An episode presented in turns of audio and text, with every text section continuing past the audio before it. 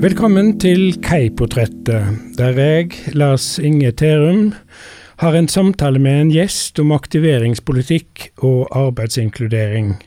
Forkortinga KAI viser til Kompetansesenter for arbeidsinkludering, og det er et senter ved Storbyuniversitetet Oslo OsloMet. Formålet til KAI er å styrke kunnskapsutvikling og kunnskapsformidling på områder som er viktige for arbeidsinkludering. Bakgrunnen for samtalen jeg skal ha, er at det i Norge i dag er en 500 000 personer i yrkesaktiv alder som er uten arbeid, og de fleste av disse har stønad fra det offentlige som sin viktigste inntektskilde. Nå har koronakrisa ført til en ytterligere vekst i tallet på helt og delvis arbeidsløse, og ved siste måling var det knapt 400 000 arbeidsløse helt eller delvis arbeidsløse, det vil si nesten 14% av arbeidsstyrken. Sammenlignet med mars, da det bare var knapt 4% som var helt eller delvis arbeidsledige. Og Spørsmålet er hvordan skal vi forstå disse endringene, hvordan skal vi forstå dette, disse eh, menneskene som er uten arbeid.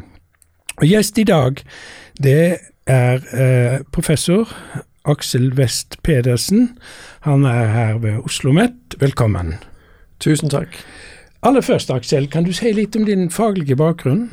Ja, det kan jeg gjøre. Eh, jeg er statsviter av utdanning kommer fra Danmark. Eh, har min utdanning fra Århus i Danmark.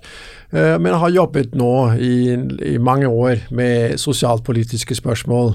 Eh, pensjonspolitikk har vært et, et hovedinteresse for meg, men, men, jeg jobber også bredere med, med velferdsstatsutvikling, sosialpolitiske spørsmål mer generelt. Ja, Nå arbeider du ved Oslo OsloMet, men tidligere har du arbeidet ved jeg har vært innom Fafo i, i, en del år. Så har jeg vært på NOVA i noen år, og på Institutt for samfunnsforskning, før jeg nå eh, fra høsten av eh, vendte tilbake til NOVA, eh, som er jo en, blitt en del av Oslo OsloMet. Og jeg underviser samtidig på Institutt for sosialfag. Ja. Så du har vært innom de fleste sosialforskningsinstituttene i Norge, da? Ja, Iallfall de større? Ja, jeg har vært en, en tur rundt på de viktigste instituttene. ja. Eh, la oss nå vende blikket litt mot koronakrisa. Eh, hvordan har etter ditt syn den norske velferdsstaten takla denne eh, koronakrisa? Altså, Den norske velferdsstaten er i utgangspunktet, skulle man tenke, ganske godt gira til å takle en sånn krise som dette. ikke sant? Vi har en, en, en generøs sykelønnsordning, vi har gode uh, ordninger ved arbeidsledighet osv. i utgangspunktet. Uh, og de trer jo kan man si, automatisk i kraft når, når en sånn krise uh, starter opp. men samtidig så, så, så, har det jo også krisen vist at det kanskje er noen hull i, i vårt system, i hvert fall når en sånn situasjon oppstår.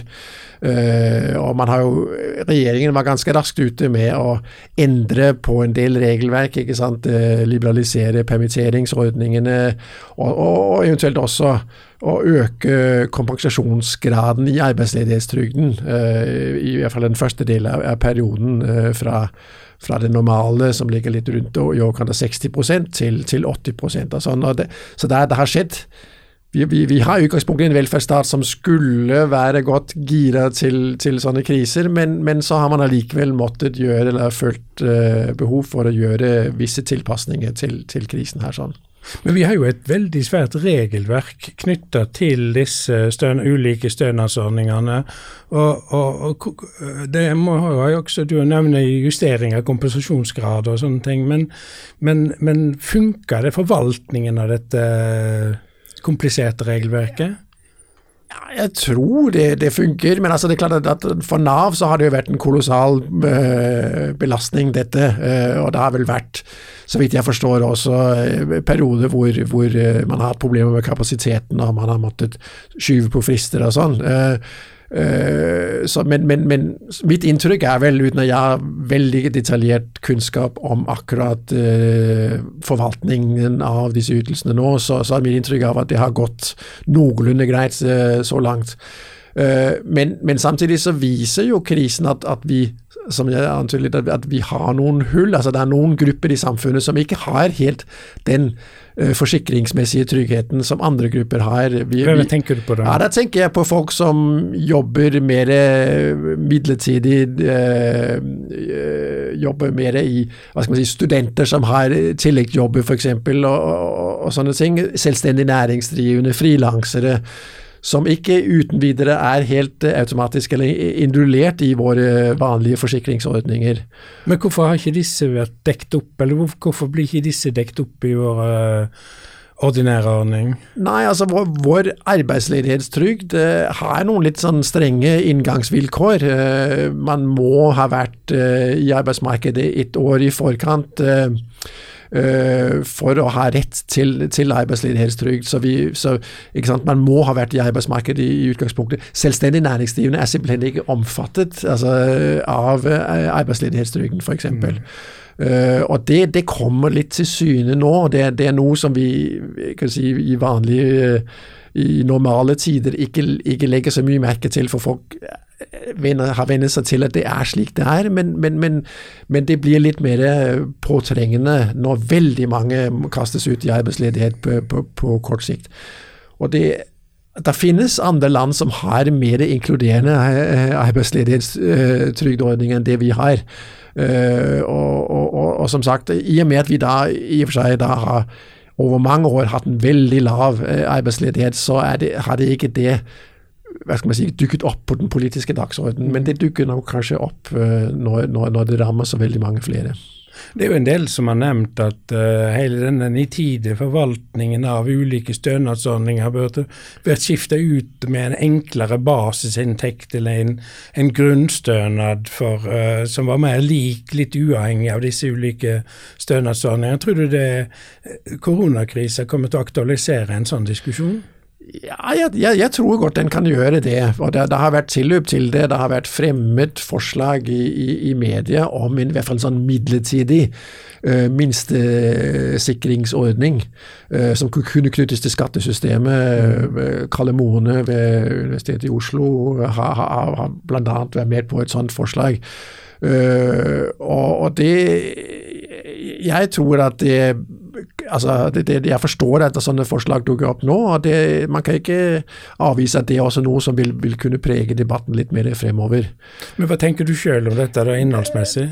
Ja, altså nei, altså jeg er litt, jeg er litt uh, nølende positiv, kan man si. Uh, for jeg tenker det er, det er ikke helt lett. Uh, jeg tenker det er ikke bare å erstatte vårt hva skal man si, litt, litt kompliserte, omfattende trygdesystem med en mer Det høres besnærende ut med en enkelt stønad som, som, ikke krever så mye administrasjon, men, men, men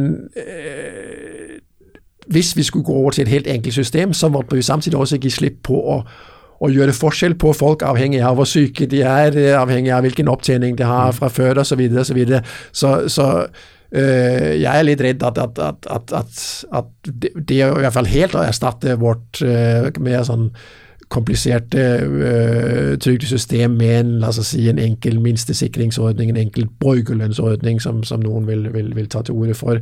At det gjør at da blir der vil øh, mange av de som i dag øh, får greie stønader, måtte ned på et veldig lavt minimumsnivå. Altså Man måtte, måtte liksom akseptere at alle Hvis alle skal behandles likt, så ville stønadene bli relativt små.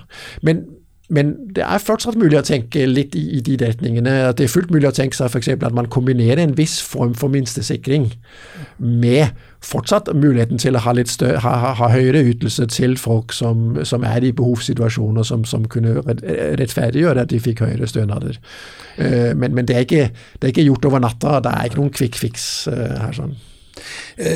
Hvordan er det disse som nå er blitt avhengig av disse offentlige stønadsordningene, at de helt og delvis arbeidsløse, skiller de seg veldig fra de som ellers mottar disse offentlige stønader? Altså, hva vet vi om disse nye arbeidsløse?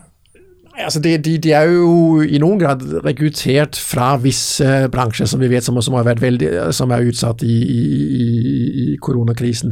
De tjenesteutende næringene er veldig hardt rammet.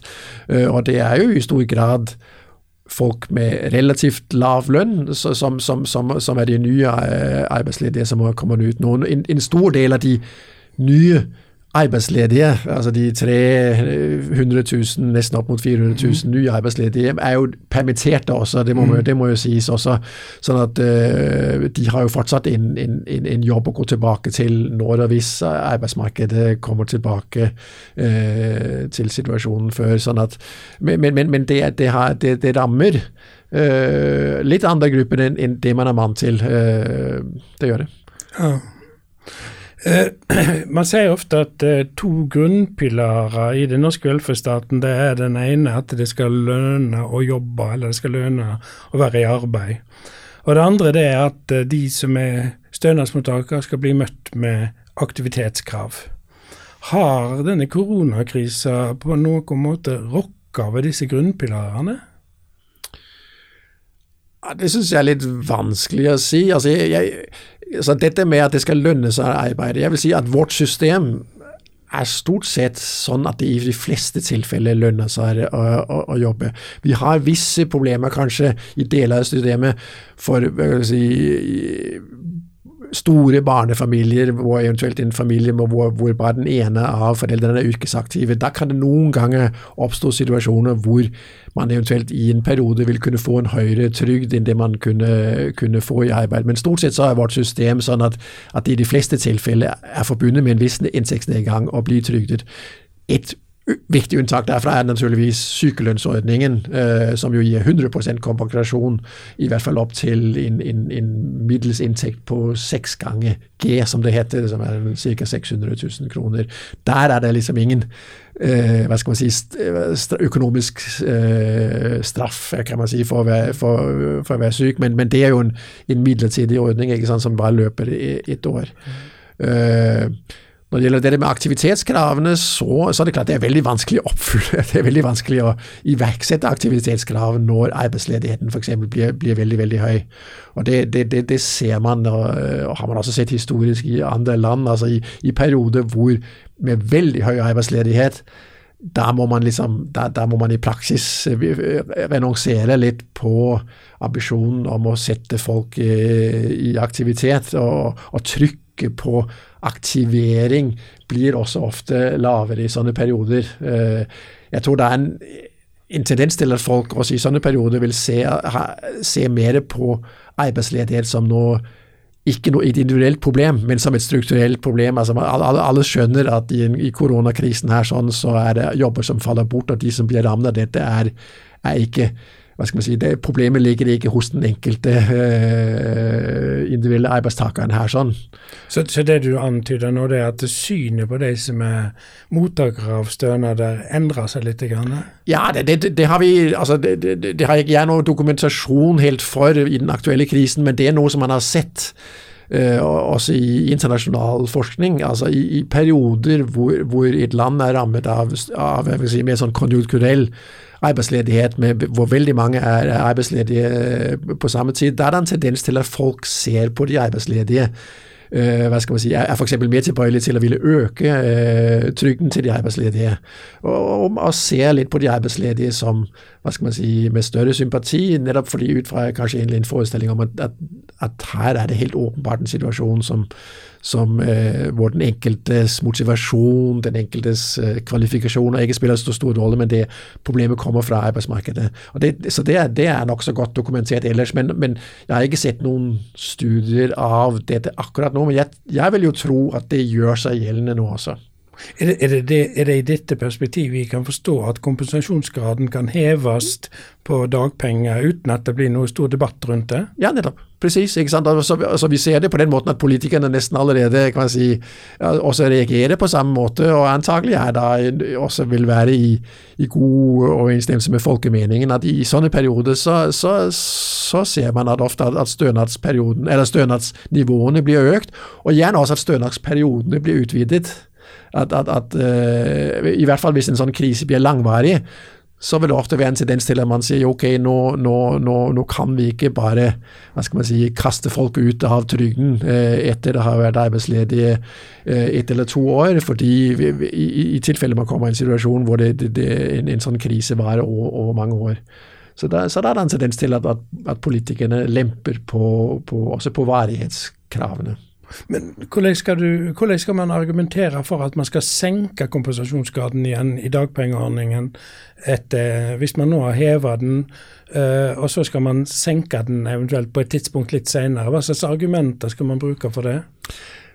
Nei, det, det, det, kan jo være litt vanskelig å senke den igjen, uh, i og for seg. Og det kan være vanskelig å finne en god argumentasjon for det. Uh, men, men, igjen, altså hvis det er sånn at folk er litt tilbøyelige til å, hva skal man si, å la sin oppfatning av uh, behovene til de arbeidsledige farge litt av situasjonen, så kan det hende at uh, folk også tenker igjen når arbeidsledigheten igjen blir lavere, at den gruppen som blir igjen i arbeidsledighetskøen, de har en litt spesielle problemer. De har kanskje motivasjonsproblemer primært, og derfor så må vi sørge for at det for dem lønner seg å jobbe.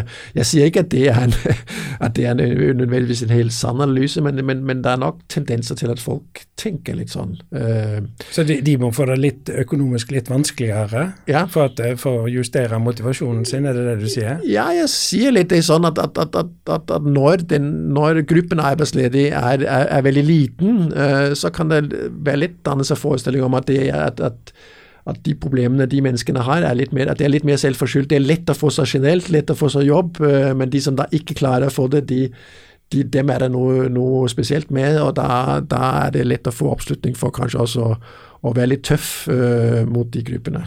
Men, men, hva vet vi om forholdet mellom generøsiteten på stønader og forbruk? Er det slik at uh, at uh, hvis man hever, uh, gjør ordningene mer sjenerøse, øker forbruket også da? Er det en slik sammenheng? Ja, jeg, jeg, tror at man må si at det generelt er en slik sammenheng. Selvfølgelig ikke nødvendigvis alt, men alltid, og ikke like sterkt. ikke sant? Uh, men, men, men, men at det for de fleste norske trygdeordningene er sånn at, at at de, hvis man hevet stønadsnivået, så ville nok forbruket øke, og hvis man senket stønadsnivået, så vil i mange tilfeller forbruket gå litt ned. Noen ganger så er det mer det at man forrykkes balansen mellom forskjellige ordninger. Altså hvis du, hvis du kutter én trygd, så er det gjerne sånn at da øker forbruket andre trygder. Vi har et eksempel på det i Norge for noen år tilbake, der man strammet inn på, på denne overgangsstønaden eh, til enslige forsørgere så var det, mange, var det, mange, som forlot den ordningen, men de kom seg ikke nødvendigvis uh, i jobb, i hvert fall ikke alle sammen, og mange havna da over på sosialhjelp istedenfor, f.eks. Uh, men, er det ikke studier fra andre land som viser at uh, hvis du senker eller gjør ordningene litt mindre sjenerøse, så går forbruket ned og sysselsettingen opp? Jo, jo, jeg tror man må si det. Altså, det, altså det er to land som har gjort litt den type ting som, som, som i våre nære omgivelser. Både Sverige og Tyskland tror jeg er eksempler på land som har over de siste si, 15-20 årene gjennomført nokså kraftige innstramninger i sine trygdesystemer. Og begge de landene så ser man at, at forbruket, eller andelen av befolkningen i yrkesaktiv alder som går på trygd, har faktisk gått noe ned. Og i begge land så har man også, i hvert fall i en lang periode, også sett ganske positiv øh, utvikling med hensyn til sysselsettingen. Så, så, så da er det to land som, som, på mange måter, kan man si, syns jeg, eller kan argumentere for, her har lyktes med en sånn litt tøff uh, arbeidslinjepolitikk. Men har sysselsetting økt like mye som nedgangen i trygdeforbruket? Nei, nettopp, den har ikke det. Uh, så, så den, den, det som har skjedd i begge disse to landene, det er at det er en større andel av befolkningen som simpelthen faller helt utenfor både trygdesystemet og arbeidsmarkedet. En viss økning i sysselsettingen har vært, men det har også vært en, en økning i andelen av befolkningen som simpelthen bare er helt utenfor, og som eventuelt forsørges innad i familien. Eh, det, det, som har vært litt utmerket i nordiske land, eh, i motsetning til en del land lenger nede i Europa i mange år, det er det at vi nesten hele den yrkesaktive befolkningen enten er i arbeid, altså vi har hatt høy yrkesdeltakelse i og for seg, men samtidig så har vi også hatt ganske høyt forbruk av trygder. Og det er fordi hele, hele befolkningen i yrkesaktiv alder enten er i arbeid eller på trygd. Men det man har sett i Sverige over de siste 10-15 årene, det er at vi igjen har fått en, litt, en gruppe i befolkningen som verken eller, som verken mottar kan du si, substansielle, gode arbeidsinntekter, men som heller ikke får noe særlig ut uh, i, i, trygd. Og som da forsørges antagelig i familien, eller eventuelt er helt utenfor uh, og havner i, i virkelig nokså dyp fattigdom. Er det, er det, der veksten i fattigdommen en finner først og fremst i ja, disse landene? Ja, ja den, den, gjør det. Altså, og det jeg skulle si om både Tyskland og, Sverige, selv om de da på en måte framstår som litt sånn suksesseksempler med hensyn til en litt tøff arbeidslinjepolitikk, så er det de to landene i Europa som har den sterkeste veksten i inntektsfattigdom okay. blant befolkningen i yrkesaktiv alder. Så det er ikke det er, ikke noen enkeltfiks her. sånn, og ja, Man hører ofte at man i politisk hold også her hjemme snakker om at den beste måten, eller den, den, den sikreste måten å bringe folk ut av fattigdom, det er å få dem i jobb. Og Det kan nok være på et individnivå, og her i Norge hvor også minstelønningene f.eks. er ganske høye. Men de to, landene, de, de to utviklingene i de to landene er eksempel på at, at her er det, er det, på en måte en, en, en, et, et nokså øh, vondt dilemma. Mm. Eh, at man nok kan redusere forbruket av trygdeytelser. Eh, man kan nok få en viss økning i sysselsettingen, men samtidig så øker fattigdommen ganske kraftig. og Både fattigdommen blant de som forblir trygdede, for det er det fortsatt en stor, stor gruppe i begge disse to landene som fortsatt er avhengig av trygd, og de blir jo simpelthen bare fattigere. ikke sant? Samtidig som også det man kan kalle working poor, altså, det, altså at andelen av befolkningen som, som, faktisk er i jobb, men som allikevel ikke klarer å få en høy nok arbeidsinntekt til å, til å komme over fattigdomsgrensen, den øker også. Spesielt ser man det i Tyskland. Fordi at samtidig som trygdene har blitt kutta ned, så har også minstelønningene i arbeidsmarkedet redusert, blitt redusert, i hvert fall relativt sett til, til, til det, det som er vanlig i samfunnet. Og det, det, har nok også igjen en sammenheng med kutt i trygdeytelsene. Når du kutter trygdeytelsene, så er det lettere også, kan du si, å, og at lønningene også, de, de minste lønningene også går ned. Eh, og Da får du en sånn utvikling mot et, et, et, et mer lavtlønns arbeidsmarked. Det har vi ikke sett så mye i Sverige, faktisk. Så det er mer en, en spesiell tysk utvikling. Men hvordan er det, er det, er det et høyere trygdeforbruk i Norge enn i disse landene vi nå snakker om? Altså er det i sammenligning med Sverige f.eks.? Ja, vi har simpelthen en høyere andel som mottar trygdeytelse i ukesaktiv alder enn de har i Sverige. Så er, ikke, så er ikke forskjellen, så er ikke i, i yrkesdeltakelse like store. Har, Sverige har er man kanskje litt, har, har, på de siste årene kommet litt foran oss med hensyn til, til, til sysselsetting og yrkesdeltakelse, men der er ikke forskjellen veldig stor. Uh, men, men, men, men den, er, den, er, ganske betydelig med hensyn til andelen som mottar trygd i yrkesaktiv alder. Men er det slik at uh, forbruket av trygd i Norge har økt mye de siste 20-30 årene? Nei, egentlig ikke. Så det er det litt paradoksale. Altså, så, så, det er ikke det at vi at det, at det egentlig har økt. Altså, jeg vil si at det avhenger jo veldig av hvilket startår du ser på, fordi forbrukertrygd varierer jo i, betydelig grad etter de økonomiske konjunkturene. Så hvis du starter å se f.eks. Eh, i 1992, da var vi inne i en ganske alvorlig krise i Norge, så vil du se nesten at, at, at, at forbrukertrygd er lavere nå enn den var i 1992, men det, det er kanskje litt u, en urettferdig sammenligning. Men jeg vil allikevel si at hovedbildet fra midten av 90-tallet og fram til i dag, altså over de siste 25 årene, så er forbrukertrygd i Norge relativt stabilt, kanskje til og med en viss fallende tendens de siste årene. Men det varierer jo mellom aldersgrupper og sånne ting, så det er, det er et komplisert bilde her. sånn. Eh, de siste årene har vi hatt en ganske positiv utvikling med hensyn til yrkesdeltakelsen blant de eldste. Eh, helt utvilsomt delvis som et resultat av pensjonsreformen. Mens ut, utviklingen blant folk mer sånn i den primære ukesaktive alderen har vært litt mer negativ. Uh, Hvorfor det? Uh, det, er litt, det, er vanskelig å si. Uh, det er vanskelig å si, rett og slett. Uh, og vi har ikke helt det er en diskusjon om, om hvor sterk den, den utviklingen er. Nå, nå skjedde det f.eks. For i forbindelse med dette fallet i oljeprisene i 2014. Da, en, da, da, da skjedde det en ganske eh, merkbart fall i yrkesdeltakelsen, også blant folk i, i, sin beste alder, kan man si, blant menn.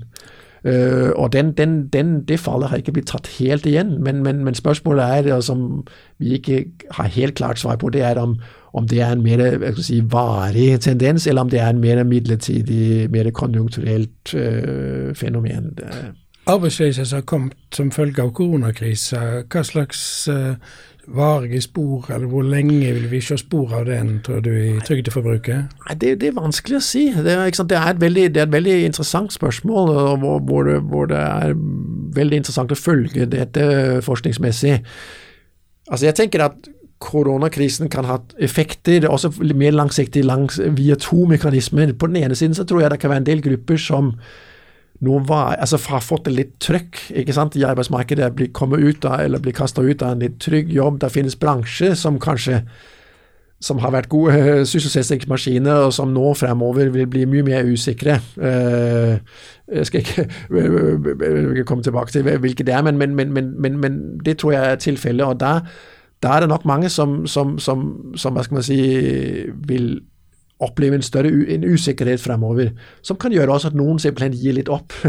altså det, det, ser man også i internasjonal forskning, at, at arbeidsledighetsperioder har ofte litt langsiktige effekter på den måten at det kan simpelthen skremme noen grupper helt ut av arbeidsmarkedet. De, de mister fotfestet, mister tilliten til at de kan komme tilbake, og, og faller på den måten helt ut.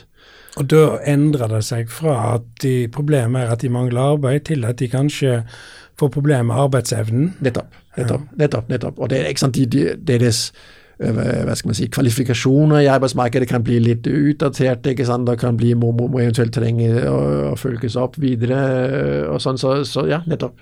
Uh, og så kan det tenkes at det er liksom andre grupper som på en måte ser litt at det er et liv utenfor arbeidsmarkedet. Det kan være barnefamilier det, det, det, er en liten spekulasjon, men barnefamilier som opplever nå å ha en helt annen sant, eh, en situasjon hvor de er hjemme er mer sammen med sine barn. og Det kan hende at, at, at, at man da vil se en, en, større etterspørsel etter mer fleksible uh, tilpasninger i barnefamiliene fremover, som et resultat av de erfaringene folk gjør seg med koronakrisen, kan man tenke seg. Eh, eh, pensjoneringen kan Vi har ikke sett, eh, har ikke sett data på det ennå, men det kan tenkes at, at, at at, at, at, bruken av disse mer fleksible, fleksible uttakssystemet i folketrygden, med at du nå kan pensjonere deg uh, fra 62 år, at det vil være grupper som at det vil være en økning i, i bruken av den muligheten nå fremover, det, det, det gjenstår å se. Uh, men det er ikke helt utenkelig at det, at det kan skje. Du er professor uh, ved Oslo OsloMet uh, og har hatt heimekontor. Har, den, uh, har denne situasjonen endra ditt forhold til arbeidet? Altså er det, er det, vi har jo snakka mye om de som er trygdemottakere, men, men i hvilken grad uh, endrer disse erfaringene vi får med heimekontor, vårt syn på, på arbeid og arbeidsplassen? Nei, altså jeg, jeg, jeg jeg syns det har vært veldig rar, en veldig rar periode. Jeg, jeg har personlig sånn at jeg, jeg, liker å komme på jobben, jeg liker den smalltalken som er på arbeidsplassen. Øh, snakke med kolleger, drøfte problemer og sånne ting. Uh, og jeg, også, jeg er også nok også en, en, en person som har litt uh, glede av det, og liksom at det er ordentlig struktur på at du, du drar på jobben om morgenen og, og, drar hjem på ettermiddagen, og jeg kan bli litt mer uh, hva skal man si, udisiplinert når jeg sitter hjemme på, foran PC-en og mm. surfer litt på internett og er litt på Facebook og, og sånne ting. Uh, så, så jeg, jeg, jeg, savner det å gå på Kollegaene? Og, ja, jeg savner kollegene, og jeg savner det å være på jobb. Så, men så er det ikke tvil om at disse, disse Altså, disse elektroniske møteverktøyene at de, de, har jeg jo brukt. Jeg har selvfølgelig brukt veldig flittig disse i denne perioden her, sånn på en måte som jeg ikke brukte Jeg har ikke brukt det noe særlig før. Eh, og det og det, det er jeg helt sikker på at i fremtiden så vil det bli ofte bli mye mer brukt som alternativ til å ha prosjektmøter med, med kolleger i andre deler av landet eller i andre land, f.eks. Reise mindre? Reise mindre, helt, helt utvilsomt. Ja. Eh, en ting er arbeidsplassen og kollegakontakt og alle sånne ting. Men du eh, går jo på bestemte arbeidsplasser, gjort etter du kom til Norge, nemlig sosialforskningsinstitutter og universiteter og sånne. Hva, hva, er det som gjør at du er opptatt av å forske på disse spørsmålene? Hva er det som er spennende med denne type forskning som du har holdt på med? Det er nok Altså, jeg, jeg vil jeg både er jeg nok jeg er ganske politisk, samfunnspolitisk engasjert, så jeg, så, så, så jeg, jeg er litt øh, opptatt av disse tingene fordi jeg har et politisk, et politisk engasjement, kan man si. Ikke, ikke, jeg er ikke særlig partipolitisk, men, men, men, men jeg, jeg, har et, et, et engasjement for øh, samfunnspolitikk. Øh, men jeg er også ganske øh, interessert, eller hva skal man si, faglig interessert både i metodespørsmål, men i og for seg også i grunnleggende teoretiske spørsmål. Jeg liker litt sånn uh, litt vitenskapsteoretiske diskusjoner og sånn syns jeg er, er, spennende, men, og, og grunnleggende hva skal man si, samfunnsvitenskapelig teori. Men, men jeg er nok i mitt arbeid er jeg nok, jeg er nok blant dem som ikke jeg skriver ofte ganske sånn empiriske ting. Eh, det, jeg er litt tilbakeholdende med å drive veldig sånn, jeg har ambisjoner om å være veldig teoriutviklende selv. Jeg, jeg, jeg konsumerer teori, og jeg syns teori er uh, morsomt og interessant, men jeg er ikke jeg er ikke den mest sånn, hva skal man si i min, i mitt, i, Når jeg skriver artikler og, og sånn, så, så, så jeg ofte, har jeg ofte et veldig klart sånn empirisk sikte, og ikke så veldig og Empirisk, det betyr at du vil bringe ny kunnskap om verden for å ja. forandre den, er det det? Ja, ja, det er det, unnskyld. Ja, det er det, det, det, det, Altså, og litt uh, ja, Jeg har ofte litt veldig konkrete problemstillinger som, som Uh, som handler om, om, om, virkningen av en viss politikk, f.eks. Virket den, virket den ikke? Uh, og, og, og, på hvilke måter virket den, osv. Mens, mens mer sånn mens jeg ikke, ofte ikke har veldig store ambisjoner om, om, om, om en mer abstrakt teoriutvikling. Det har jeg nok ikke. Du er i en slags opplysningstradisjon, eller kjenner du igjen i det? Ja, ja jeg, jeg gjør det. Altså, jeg, jeg, jeg skulle gjerne se det sånn, i hvert fall.